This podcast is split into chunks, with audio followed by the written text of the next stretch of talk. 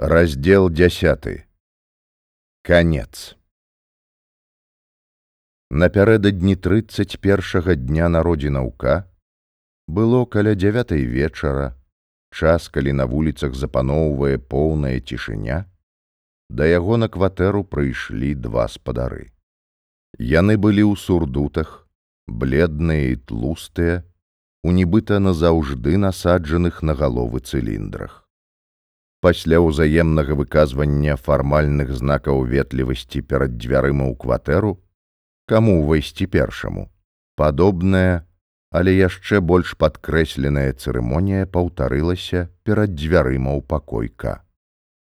Хоць пра гэты візіт яго ніхто не папярэджваў, ён сядзеў таксама апрануты ў чорнае, на крэсле каля самых дзвярэй і павольна нацягваў новыя, вельмі шчыгульныя пальчаткі ў позе, у якой зазвычай чакаюць гасцей. Ён тут жа ўстаў з крэсла і з цікаўнасцю паглядзеў на спадароў, якія ўвайшлі. Значыць, мяне даручылі вам, спытаў ён. Абодва кіўнулі, і кожны паказаў рукою з цыліндрам у бок другога. Ка прызнаўся сабе, што чакаў не такіх наведнікаў. Ён падышоў да акна і яшчэ раз паглядзеў на цёмную вуліцу. На тым баку амаль ва ўсіх вокнах ужо было цёмна. Фіранкі шмат дзе паапускалі. У адным з асветленых вокнаў верхняга паверха за кратамі гулялі маленькія дзеці. Яны цягнуліся ручкамі адно да аднаго, не умеючы яшчэ стаць на ножкі. Пасылаюць па мяне старых адстаўных актораў, сказаў сабяка і азірнуўся, каб яшчэ раз пераканацца ў гэтым. Танна ж яны хочуць ад мяне адбіцца. Ка раптам павярнуўся да іх і спытаў: « У якім тэатры вы працуеце? У тэатры, спытаў адзін пану другога, нібы раячыся з ім, і куткі яго вуснаў заторгаліся. Другі пачаў строіць фізіяноміі, як нямко, што спрабуе перамагчы сваю немач. Відаць, яны не падрыхтаваныя да пытанняў, сказаў ка сам сабе і пайшоў узяць капялюш. Два спадары хацелі ўхапіць ка пад рукі яшчэ на сходах, але ён сказаў: « Не, возьмеце на вуліцы. Я ж не хворы. Але каля самай брамы яны павіслі на ім так, як яшчэ ні разу ў жыцці ніхто не вісеў. Прыціснуўшы ззаду плячо да яго пляча і не згінаючы локцяў, кожны абхапіў рукою руку ка ва ўсю даўжыню і сціснуў яго запясці завучаным, звыклым з похватам, супраціўляцца якому не было як. Кай ішоў, выпрастаўшыся паміж імі, і ўсе трое гэтак зліліся ў адно цэлае, што калі б выцяць аднаго з іх, удар прыйшоўся б па ўсіх трох. Такая злітнасць уласцівая, мабыць, толькі нежывым рэчам. Пад кожным ліхтаром ка спрабаваў разгледзець сваіх спадарожнікаў крыху лепш, чым могу па ўзмроку свайго пакоя хоць і пры такім шчыльным судукрананні зрабіць гэта было вельмі цяжка. Можа, яны тэнары, падумаў ён, разгледзеўшы ўрэшце іх падвойныя падбароддзі. Яму зрабілася брыдка ад іхных пысаў, якія ажно ззялі чысцінёю.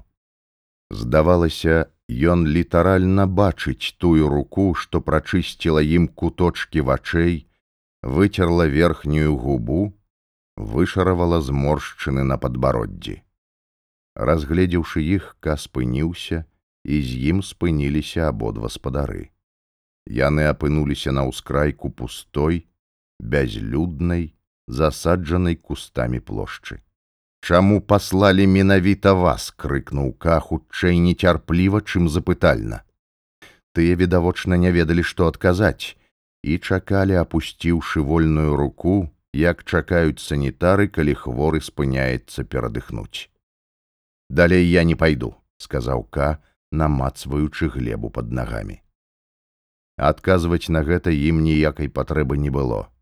Яны проста, не паслабляючы з похвату, паспрабавалі ссунуць ка з месца, але ён не паддаўся. Мне мае сілы болей ужо не спатрэбяцца.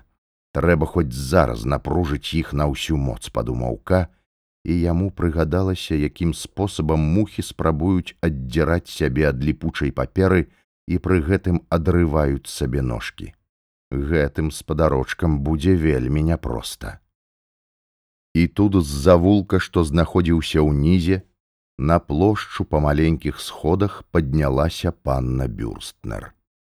Ка быў не зусім упэўнены, ці гэта яна, хоць падабенства было вялікае. Але для ка не мела ніякага значэння, ці панна бюрстнер гэта была ці не, Ён проста раптам усвядоміў усю недарэчнасць свайго супраціву. Нічога гераічнага не будзе ў тым, што ён раптам пачне супраціўляцца, наробіць гэтым спадарам залішніх турбот, паспрабуе ў самаабароне хоць напрыканцы адчуць нейкі водбліск жыцця.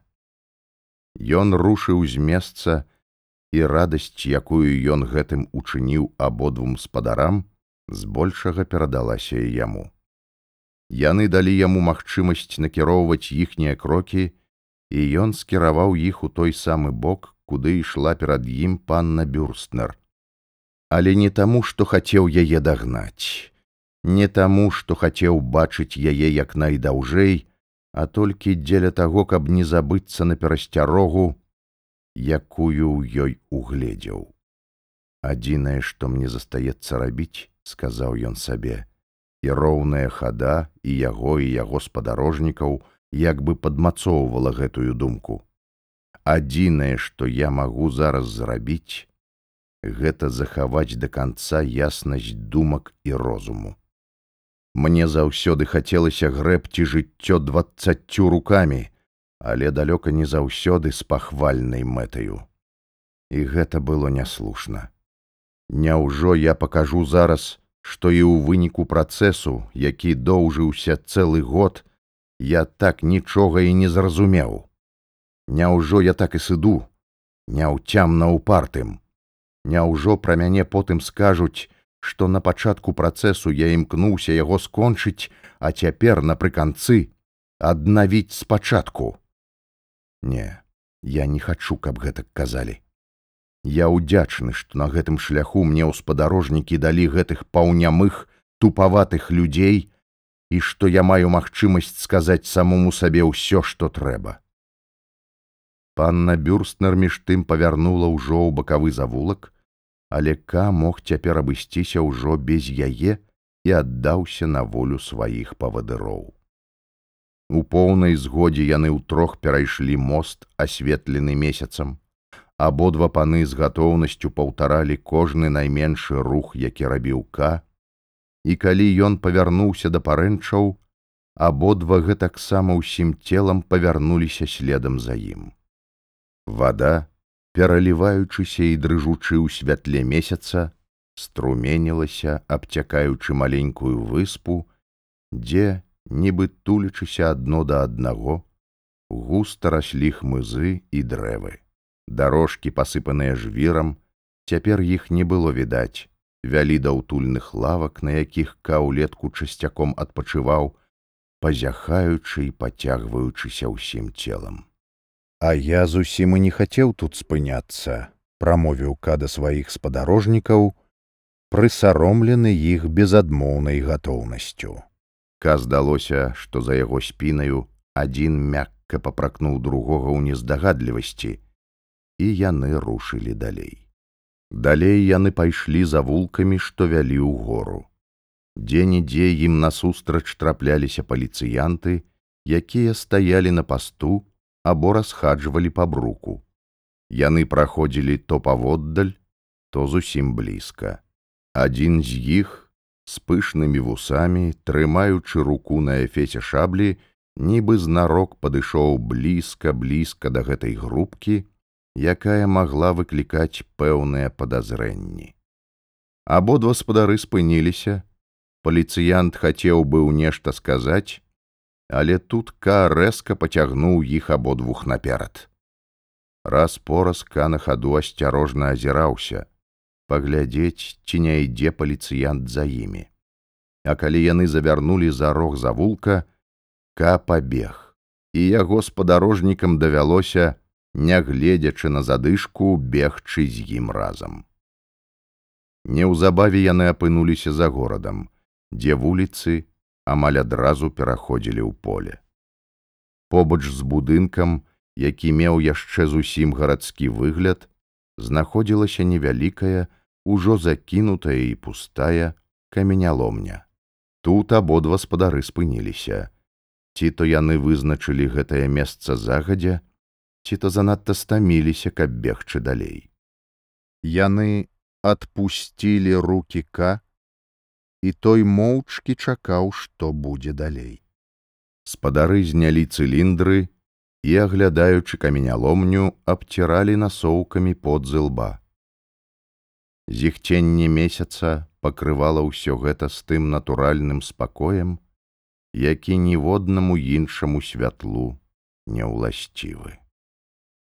Пасля абмену ветлівымі рэплікамі наконт таго, каму выконваць наступнае заданне, падобна, што абавязкі паміж гэтымі спадарамі дакладна размеркаваныя не былі, адзін з іх падышоў дака і зняў з яго пінжак камізэльку і ўрэшце кашулю. Каміж волі скалануўся ад дрыжыкаў, і мужчына як бы падбадзёрваючы паляпаў яго па спіне. Потым ён дбайна склаў рэчы, як быццам імі яшчэ давядзецца скарыстацца, хоць можа і не найбліжэйшым часам. Кабка не прыйшлося нерухома стаяць ва ўжо дастаткова адчувальнай начной прахалодзе, ён узяў яго пад руку і пачаў сюды туды вадзіць, пакуль другі шукаў у каменяломне адпаведнае месца. Знайшоўшы яго, той махнуў ім рукою і першы падвёў туды ка. Каля самой сцяны каменяломні ляжаў кавалак каменя. Абодва мужчыны пасадзілі ка на зямлю, прытулілі да сцяны і паклалі галавою на камень. Але нягледзячы на ўсе іхнія намаганні, нягледзячы на тое, што ка імкнуўся ім неяк дапамагаць, яго поза заставалася напружанаю і ненатуральнаю. Таму першы пан попрасіў другога даць яму аднаму паспрабаваць пакласці каямчэй, але і гэта сітуацыю не палепшыла. Урэшце яны пакінулі ка ляжаць так, як ён лёг, хоць з першага разу ў іх атрымалася пакласці яго лепш, чым цяпер. Потым першы расшпіліў сурдут і выцягнуў з похваў, што віселі на пасе камізэлькі, доўгі, тонкі, двусечны нож разніка, і, падняўшы яго, праверыў на святле, ці добра ён навостраны. Зноў пачаўся агідны абмен ветлівымі рэплікамі. Першы падаў нож другому цераз галаву к, другі вярнуў яго першаму, таксама цераз галаву к. І раптам ка зразумеў, што ён сам павінен быў бы схапіць нож, які перадавалі з руку руки над яго галавою, і ўваткнуць яго ў сябе. Але ён гэтага не зрабіў. Толькі павярнуў яшчэ некранутую шыю і паглядзеў навокал. Ён не мог выканаць свой абавязак да канца і цалкам зняць з уладаў цяжар гэтае працы. Але ж адказнасць за гэтую апошнюю памылку ляжала на тым, хто адмовіў яму ў астатняй кроплі патрэбнай дзеля гэтага сілы. Яго позірк упаў на апошні паверх найбліжэйшага да каменяломні дома. І раптам, так як бывае ўспыхвае святло, там наверсе адчынілася акно, і чалавек, які здаваўся здалёк у вышыні слабым і танклявым, рэзка нахіліўся далёка наперад і працягнуў руки яшчэ далей. Хто гэта быў? Сябар проста добры чалавек. Ці спачуваў ён, ці прагнуў дапамагчы. ці быў самотны. Ці побач з ім былі ўсе, можа, усе хацелі яму дапамагчы. Можа, усплылі яшчэ якія-кольвічы забытыя аргументы. Несумненна, такія аргументы існавалі, і хоць логіка непахісная, але супраць чалавека, які хоча жыць, і яна ўстояць няздольна. Дзе суддзя, якога ён ні разу не бачыў? Дзе высокі суд, куды ён так і не трапіў? Ка падняў руки і развёў далоні. Але ў гэты момант на горла яму ўжо ляглі руки першага мужчыны, а другі ўвагнаў нож яму глыбока ў сэрца і павярнуў яго там два разы. Ужо амаль патухлымі вачыма, ка бачыў, як абодва мужчыны, прытуліўшыся адзін да аднаго шчокамі, амаль у сутыч да яго твару назіралі за развязкаю. Як сабака, сказаў ён сам сабе, нібыта гэтаму сораму было наканавана перажыць яго.